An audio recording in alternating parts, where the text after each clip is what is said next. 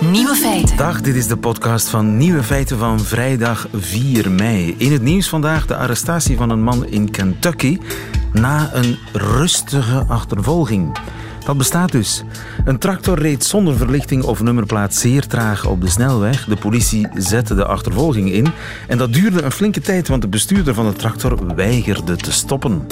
Of beter, hij beweerde dat hij niet wist hoe hij de tractor kon stoppen. De politie heeft de tractor uiteindelijk moeten enteren. Een rustige achtervolging, dat bestaat dus. De andere nieuwe feiten, de Nobelprijs Literatuur gaat dit jaar naar niemand. In China kijkt de baas in het hoofd van zijn personeel, letterlijk.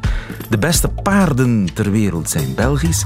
En Sander van Horen, onze Nederlandse inburgeraar, die ontdekt de Belgitude.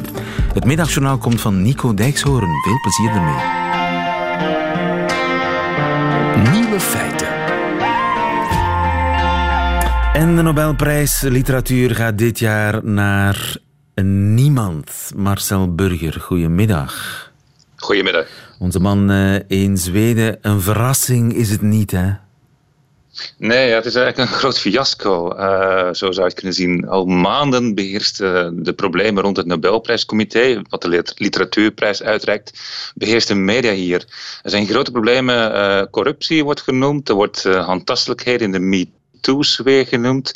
Um, er zijn betalingen gedaan aan cultuurprofielen die uh, hun vrouw in het comité bezitten. Uh, er zijn allerlei rare dingen aan de hand. Ja, maar de belangrijkste kwestie is toch de kwestie Jean-Claude Arnaud. En dat is een man die niet eens lid is van de academie en die zou vrouwen betasten. Die ja, daar niet zijn vorig jaar Nee, precies. Er zijn vorig jaar 18 vrouwen geweest die hebben hem aangeklaagd voor, uh, voor ontastelijkheden of erger. Dat zou ook gebeurd zijn in de burelen van het Nobelprijscomité in Stockholm. Um, dus dat is vrij ernstig. Uh, het, zijn vrouw zit wel, of zat in dat comité. Die is een van de mensen die is opgestapt daar. En uh, ja, hij zou dus ook geld hebben gekregen van het comité. Bijvoorbeeld voor zijn eigen ja, privépraktijken, zijn eigen cultuur, ehm, zijn eigen cultuurpaleis in, in, in steden hier in Europa. Ja. Dus het is een, en dat is een probleem je mag geen geld krijgen. Of dat was stiekem? Nou, het is, uh, het is nogal uh, het neigt heel erg naar vriendjespolitiek. Hè. Uw vrouw zit in het comité, u krijgt dan geld om uw eigen cultuurdingen te doen. Vervolgens uh, bent u daar vaak op bezoek, u tast allerlei vrouwen aan. Wordt dan gezegd, hij ontkent hè, trouwens. Ja. Uh, het zou zelfs zo ver zijn gegaan dat de Zweedse kroonprinses Victoria ook door hem zou zijn benaderd. En misschien zou, zou zijn betast, wordt er gezegd. Maar er is heel veel zou en heel veel beschuldiging en heel veel gerucht. Eigenlijk is dit ook een, een soort hysterie. Zou dat kunnen? Ja, het is wel zo dat er zijn zes van die 18 leden van dat comité die die, Nobelprijs uitgereikt zijn opgestapt uh, om allerlei redenen. Sommigen omdat ze gewoon denken van, allee, ik wil er niet meer deel van uitmaken. Uh, anderen zijn opgestapt omdat ze eigenlijk niet meer konden uh, argumenteren hoe die Nobelprijzen worden genoemd. Want de Nobelprijzen ook zeker zeven keer zouden gelekt zijn naar de pers van tevoren. En dat is pas nu naar buiten gekomen, eigenlijk aangezwengeld door die MeToo-affaire, waardoor mensen gingen kijken hoe zit dat comité eigenlijk in elkaar, wat gebeurt er eigenlijk, en toen kwam eigenlijk nog veel meer naar buiten. Ja. Maar dat comité dat is een soort royalty, hè? die zijn voor het leven benoemd. Ja, dus, hoe zij eigenlijk zijn, uh, je zou het bijna kunnen vergelijken bij hoe het in de Europese paleis aan, de, uh, aan toe ging in, ja, in twee eeuwen geleden. Je krijgt ontzettend veel geld. Er zijn mensen die, die daar 7 ton per jaar binnenhalen. Je krijgt een appartement in Stockholm. Wacht eens even, 7 ton, 700.000 kronen of euro? Want dat maakt ik moet, uh, kronen moet ik zeggen, dus 70.000 uh, ja, okay, 70 euro, euro extra. Ja, want het, enige, het enige wat je moet doen is dan de, die Nobelprijs uitreiken. Daar krijg je 70.000 euro voor. Kan dat? Ja, en het gaat ook om het, het, het rein houden, het puur houden van de Zweedse taal. Die academisch betrokken ja, ja, bij het maken. Okay. van woordenlijsten en zo. Maar uh, u krijgt een appartement in Stockholm. U mag met limousine waar u naartoe wilt, mag u, mag u gehaald en gebracht worden. U krijgt uh, toelagen voor eten. Dus eigenlijk heel veel privileges. Die, waar, waar je eigenlijk niet veel voor hoeft te doen. En je bent voor het leven benoemd, dus je bent onaantastbaar. Ja, eigenlijk wel. Uh, dat wordt nu veranderd. De Zweedse koning heeft gezegd, allee, uh, we maken het mogelijk voor mensen om toch op te stappen. Uh, het is zelfs zo, in, je kunt wel kiezen om geen actief lid te zijn. er is een lid geweest in 1989 die zei, allee, ik ben het niet mee eens dat de academie geen boosheid uit, omdat Salman Rushdie, toen een belangrijke schrijver, een, een, fatwa, een, een moslim ja, verbannelse kreeg over zich groepen. die staan mee gestopt met het werken. Ehm, dus je kunt wel stoppen met werken, maar je kunt eigenlijk niet weggaan bij de academie. En dat wordt nu veranderd. Het probleem is nu, er zijn te veel mensen weggegaan. Uh, van de 18 leden zijn er uh, nu acht opgestapt. Dat betekent, het comité heeft er nog maar tien over. En in de statuten staat, ja, het is allemaal uh, papiermolen. de statuten staat, je moet minimaal 12 leden hebben om een nieuw lid te kunnen benoemen. Dus ja, ja. hoe kun je een lid benoemen met weinig mensen? Ja, dus uh, er uh, staan grote verbouwingswerken uh, op, op het getouw in Zweden voor die Zweedse academie. Dat moet helemaal grondig hervormd worden. En waarschijnlijk terecht, want ja, zo'n voor het leven benoeming, vast inkomen, privileges, ambtswoning, limousine, dat is misschien niet meer van deze tijd. Maar heeft het ook te maken met een soort doorgeslagen MeToo-campagne? Want in Zweden wordt dat heel serieus genomen. Hè? Want ik dacht zelfs dat de directeur van uh, het cultuurhuis, het grote cultuurhuis in Stockholm, die is ten onrechte beschuldigd en die heeft zelfmoord gepleegd. Dus het gaat wel ver, hè? Ja, het gaat heel ver in Zweden. Um, het, probleem in Zweden, het, is eigenlijk al langer voor de MeToo, waren al grote problemen met vrouwen die uh, op straat ook worden uh, aangerand en verkracht. En daar probeert Zweden wat aan te doen. En MeToo heeft dat eigenlijk veel sterker gemaakt. Er is een soort, bijna een soort heksenjacht gekomen, soms ook terecht. Want er zijn ook echt veel mannen die hebben dingen gedaan die niet kunnen. Um, maar het is inderdaad heel ver gegaan in Zweden. En ja, die academie is daardoor extra in het voetlicht gekomen van, van problemen. Het is zelfs zo de academie en vrouwen, dat, ja, er is al wat langer een discussie over, omdat bijvoorbeeld in de afgelopen 18 jaar maar vijf vrouwen die de Nobelprijs van de literatuur hebben gekregen. Dus is die academie nu echt vrouwonvriendelijk? Uh, dat heeft die MeToo-affaire uh, heel erg aangezwengeld, die discussie. Ja, geen Nobelprijs literatuur dit jaar, volgend jaar twee. En waarschijnlijk ook een fonkelnieuwe, hervormde Zweedse academie. Dankjewel. In Zweden voor ons, Marcel Burger. Nieuwe feiten. De ontdekking van België. Een spannend avontuur met in de hoofdrol inburgeraar Van Horen. Goedemiddag. Goedemiddag.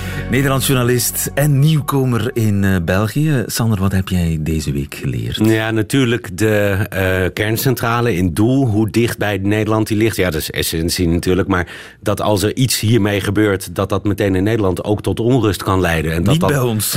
Nee, nou, nee, nee dat, dat, dat was inderdaad wel opvallend. Maar uh, je ziet dat dat dus da, heel Dat groot... is Nederlands wantrouwen in die Belgische knoeiers natuurlijk. Nou ja, en de leeftijd van de kerncentrales misschien meer. En de akkefietjes die er in het verleden mee geweest zijn. En de communicatie daarover. En daar zag je het ook deze keer weer misgaan. Ja. En dat, dat vond ik dan wel interessant, dat uh, uh, jullie nucleaire waakhond daarover communiceert. Dat die van ons dat doet.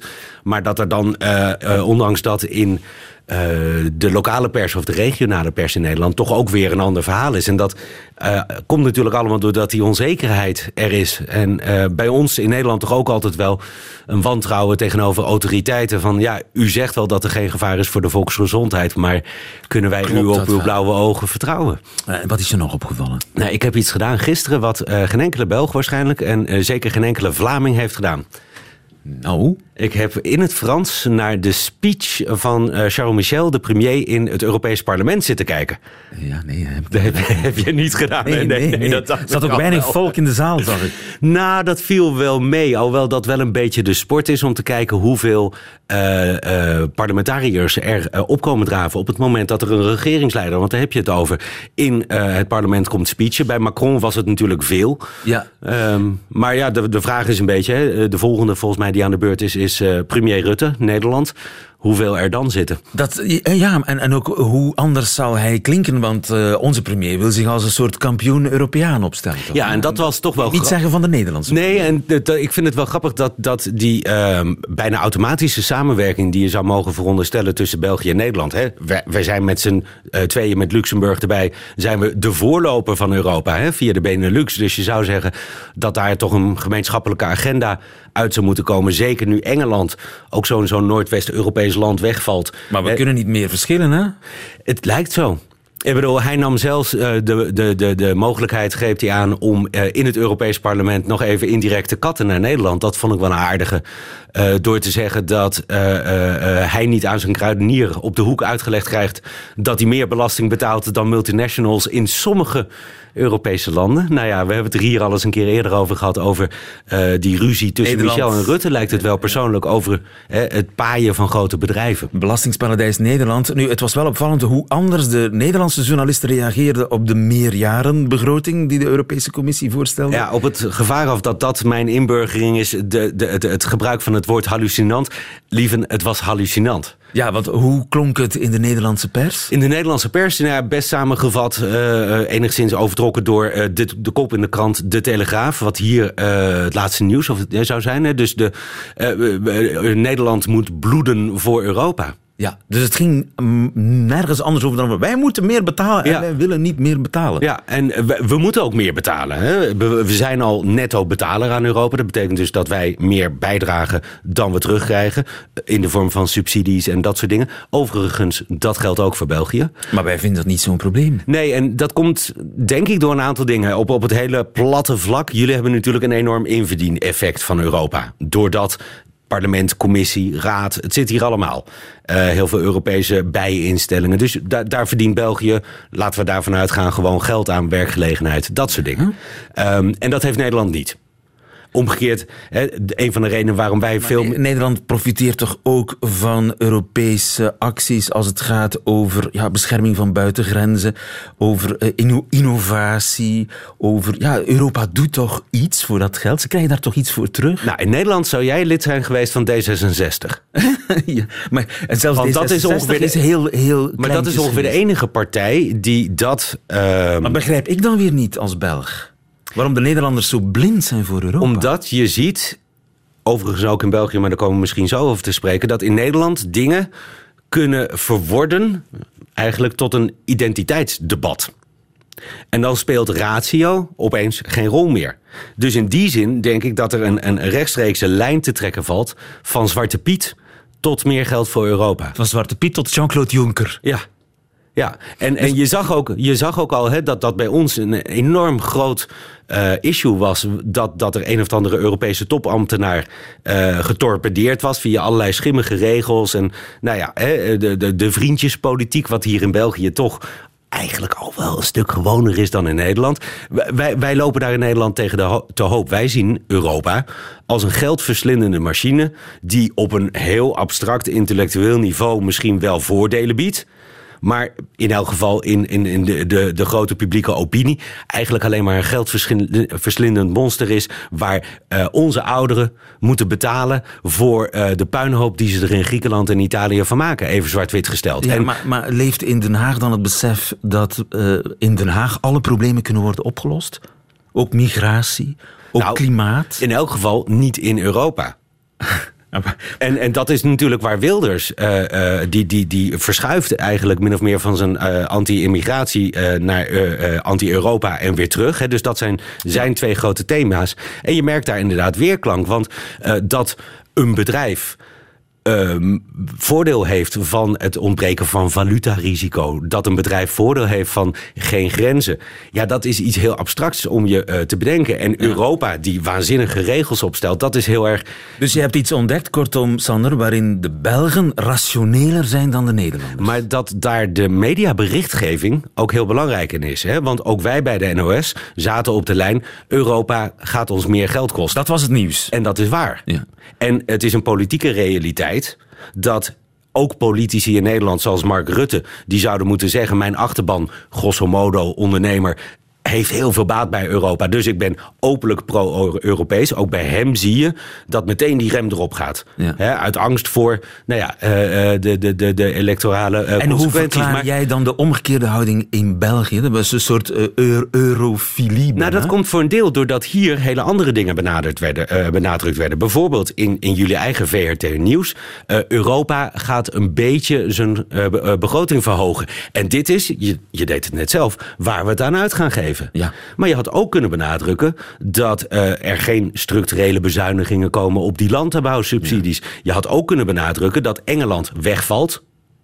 Dus ook de subsidies die naar Engeland gaan. Dus dat je daar zomaar een bezuiniging zou hebben. Dus het, het, het, het gaat om relatief kleine bedragen. Hè? Want je werkt de, de, helft van het jaar werk je voor de overheid. Je werkt misschien twee of drie dagen per jaar voor Europa. Maar hoe dus uh, beeldvorming ook gestuurd wordt door soms dingen die helemaal niet kloppen. Hier bijvoorbeeld uh, van uw uh, eigen analist de vaststelling dat Europa nog altijd minder kost dan al onze federale en. Tuurlijk.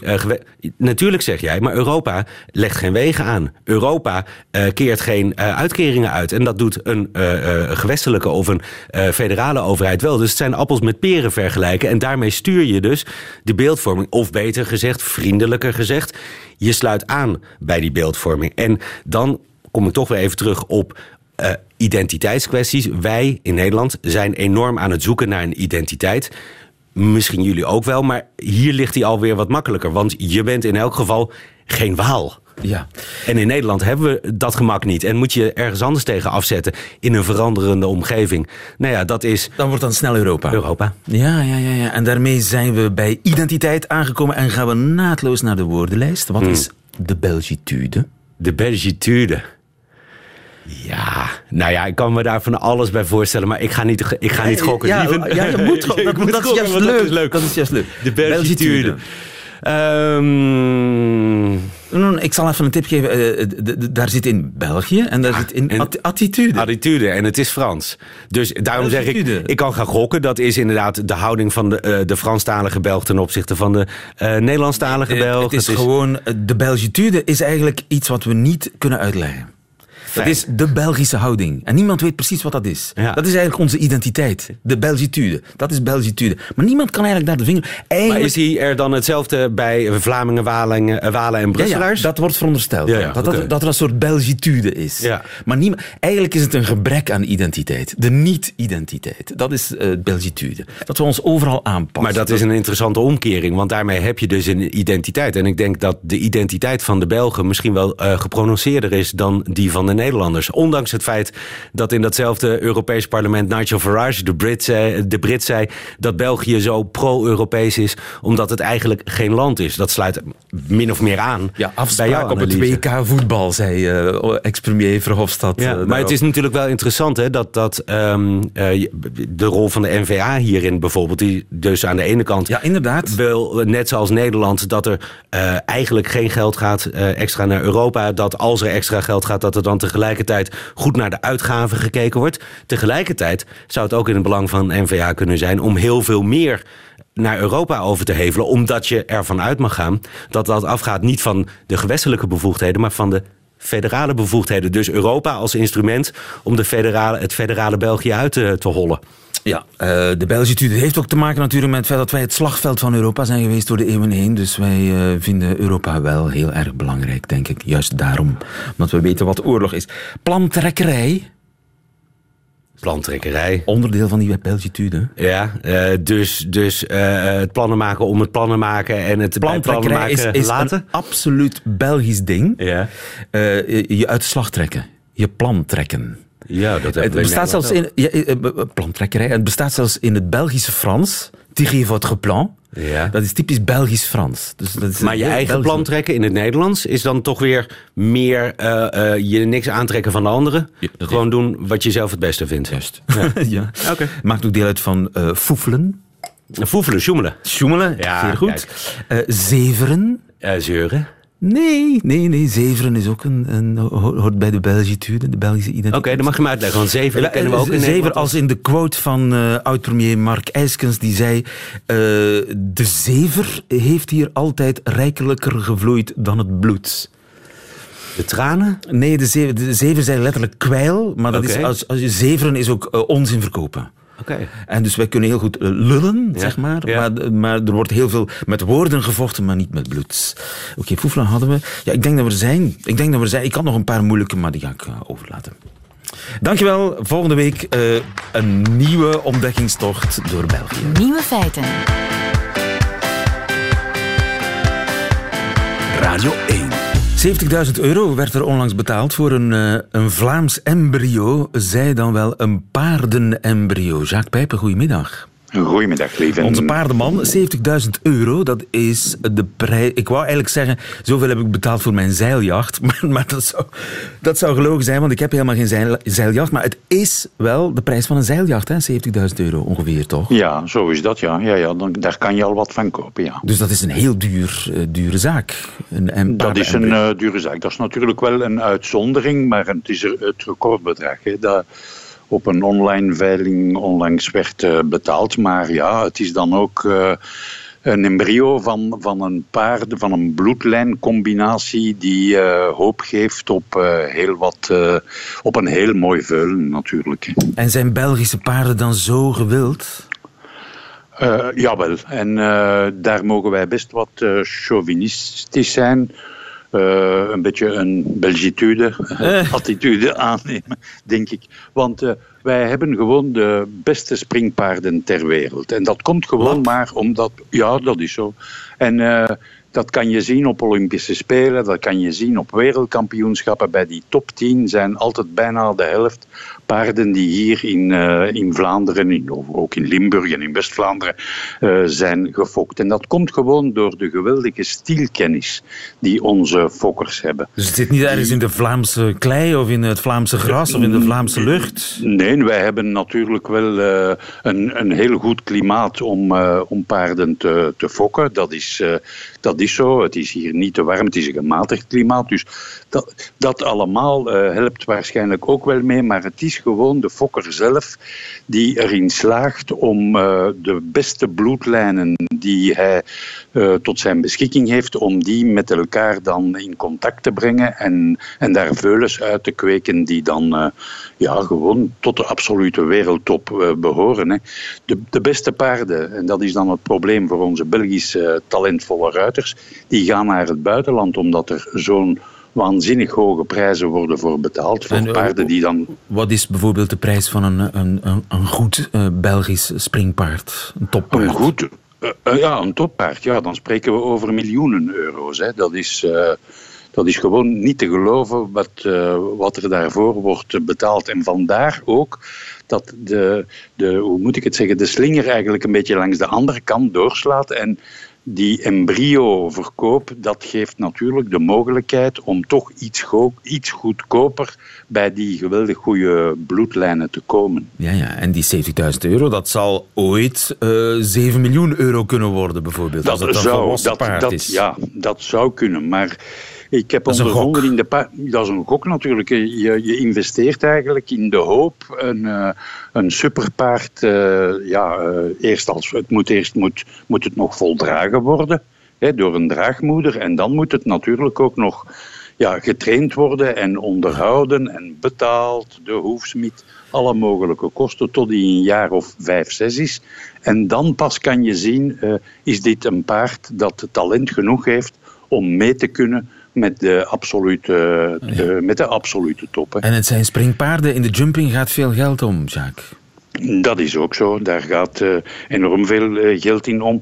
En eh, dat komt omdat ja, ook de, de, de rijke buitenlanders hebben dat natuurlijk een tijdje met leden ogen aangezien. Dat in het kleine Vlaanderen die absolute toppaarden waren. En dat zij er verdorie maar niet in slaagden om, om ook die toppers te, te, te fokken, hè, te kweken. En dan eh, zijn ze die maar beginnen te kopen. Hè. Zo, is er nu, eh, zo is er nu ook een Qatar-race team bijvoorbeeld, hè, dus uit Qatar. Eh, vier ruiters die gewoon de allerbeste, de allerduurste springpaarden hebben, hebben gekocht. Die, ja, die paarden kunnen lezen en schrijven. Dat ja. zijn ook echte, ja, echte Maar dat zijn. Belgische paarden. Maar dat zijn Belgische paarden die, van het Belgische warmbloedpaard, het BWP. En die, en, en die presteren daar behoorlijk op, terwijl zij eigenlijk zelf als ruiter niet over, uh, over een zeer groot talent beschikken. Maar zolang zij er blijven opzitten, bij wijze van spreken, behalen zij goede resultaten. Okay, we tikken dat af. Bij de Belgitude hoort paarden kunnen kweken. Dankjewel, Jacques Pijpen. Goedemiddag. Heel graag gedaan. Goedemiddag. Nieuwe feiten. Wij ons maar druk maken over Facebook. In China kijken bedrijven rechtstreeks in de hoofden van hun personeel. Goedemiddag, Manja. Goedemiddag. Manja Koetse, onze vrouw in China. Hoe doen ze dat? Ja, op dit moment zijn ze bezig met de productie van een hersengolvenhelm.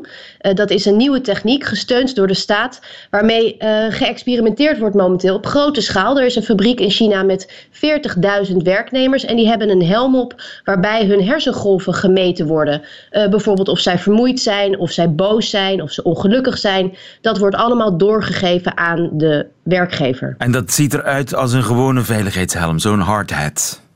Ja, maar het kan ook bijvoorbeeld in een machinistenpet uh, verstopt zijn. Een klein apparaatje is het. Dus het kan zowel een helm als een pet zijn. En het wordt momenteel gebruikt bij dus fabrieksmedewerkers, voor het leger, machinisten en in ziekenhuizen. En wat meten die sensoren precies? Ja, ze meten bijvoorbeeld of iemand vermoeid is, wat in het geval van een machinist of een chauffeur natuurlijk gevaarlijk kan zijn. Uh, dus daarmee is het, gaat het ook om het voorkomen van uh, ongelukken of om de werkdruk aan te passen, bijvoorbeeld aan de lopende band. Dus stress, vermoeidheid, dat soort dingen. En hoe accuraat uh, zijn die apparaatjes? Want dat lijkt mij ook niet onbelangrijk. Uh, nou ja, uh, redelijk accuraat. Want het, er is een experiment wat dus in 2014 al begonnen is in, een, in die grote fabriek, wat ik zojuist zei. En die hebben al een enorme winst gemaakt sinds zij dat hebben geïntroduceerd. Huh? Zo kunnen zij bijvoorbeeld pauzes langer maken of korter maken. Ze kunnen het, uh, de productiesnelheid aanpassen. Dus het, het is accuraat. En de mensen weten dat ze gemeten worden.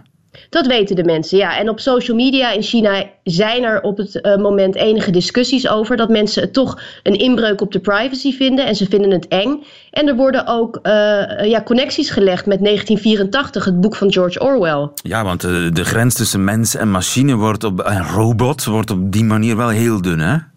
Ja, en George Orwell had het al over de gedachtepolitie. Nou, dat komt hier wel heel erg dichtbij dat het regime binnen kan dringen in het hoofd van de burgers. Uh, en ja, dat is eigenlijk precies wat hier gebeurt. Ja, en die data die worden natuurlijk allemaal bijgehouden. Dus je kan uh, zo de, de, ja, de levensgeschiedenis uh, en, de, en de stress- en vermoeidheidsgeschiedenis van een, van een mens in kaart brengen en bijhouden. Exact, dat wordt allemaal in computers opgeslagen. Dus dat gaat wel heel ver. En privacy inleveren, is dat uh, voor Chinezen geen probleem dan? Ja, voor heel veel Chinezen, het is, het is misschien wel een probleem, maar ze hebben geen keus. Um, dat zie je in heel veel dingen terug. Op dit moment is het kredietscoresysteem. Ik weet niet, uh, misschien dat je er wel eens van gehoord hebt. Het Sesame Credit System. Dat is ook een groot onderwerp. Is dat dat systeem met punten voor goed gedrag en zo? En, en negatieve punten voor slecht gedrag? Precies, en dat speelt vooral online. Dat zit nu in een testfase, maar in 2020 gaat dat landelijk. En hoe dat eigenlijk zit, uh, op basis van financiële status, je consumentengedrag, wat jij zegt op social media, krijg jij een score aangemeten. En bij een lage score uh, kan je bijvoorbeeld geen vliegtickets boeken, kan je de trein niet pakken. Dus dat heeft enorme invloed op iemands leven. Dus ja, dat, dat, is, uh, dat zit allemaal in hetzelfde straatje. Ja, ja klopt. Dat is, uh, eigenlijk gaat het richting totale controle. En is dat fijn, Manja?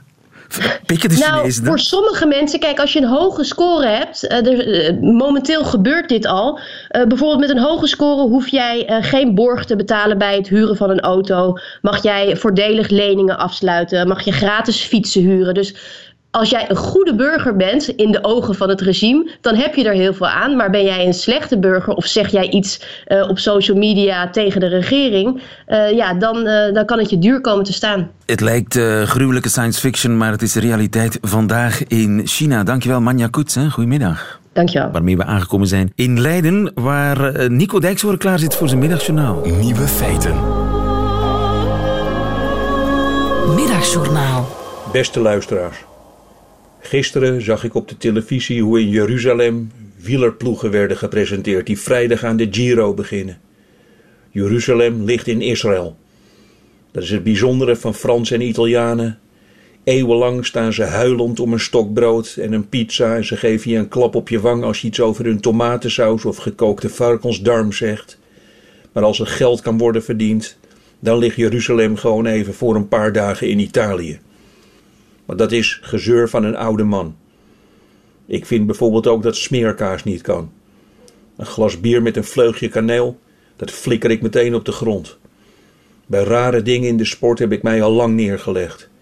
Als vlak voor de Champions League wedstrijden een lied wordt gespeeld dat gecomponeerd lijkt door Hitler zelf, dan haal ik mijn schouders op. Fietsen, daar heb ik altijd een hekel aan gehad. Vanaf het moment dat mijn vader mij een duwtje in de rug gaf en ik zwalkend wegfietste, haat ik fietsen. Misschien ook omdat ik nu pas begrijp dat ik gewoon de straat uit had moeten fietsen en nooit meer terug had moeten komen. Maar dat is een ander verhaal. De romantiek die om fietsen heen hangt, die stoort mij. Liefhebbers van wielrennen, die fluisteren met elkaar als vogelkenners die net een schele extra hebben gesignaleerd. Wielrenliefhebbers, die strelen een zadel en daarna ruiken ze aan hun hand. Wielrenliefhebbers staan langs de weg, hollen opeens heel hard mee en zij roepen dan dingen als ah ja ja ja ja ja ja of oe. En dan er iets achteraan als kom op hè. Ik zou mij als wielrenner niet gesteund voelen door zo'n schreeuwende wilsonbekwame vlak naast mij. Ik zelf hoop altijd dat die meehollende gekken struikelen, met hun smoel op straat vallen, dat hun kunstgebit in tweeën breekt en dat ze het verkeerd op elkaar lijmen en weer in hun mond steken. Maar ik weet het, luisteraars. Ik speel hier met vuur. Ik zeg iets vervelends over wielrennen en er luisteren Belgen. In Nederland zeggen ze altijd: voor de Belgen is wielrennen religie. Mijn enige excuus is dan ook: religie, daar geloof ik niet in.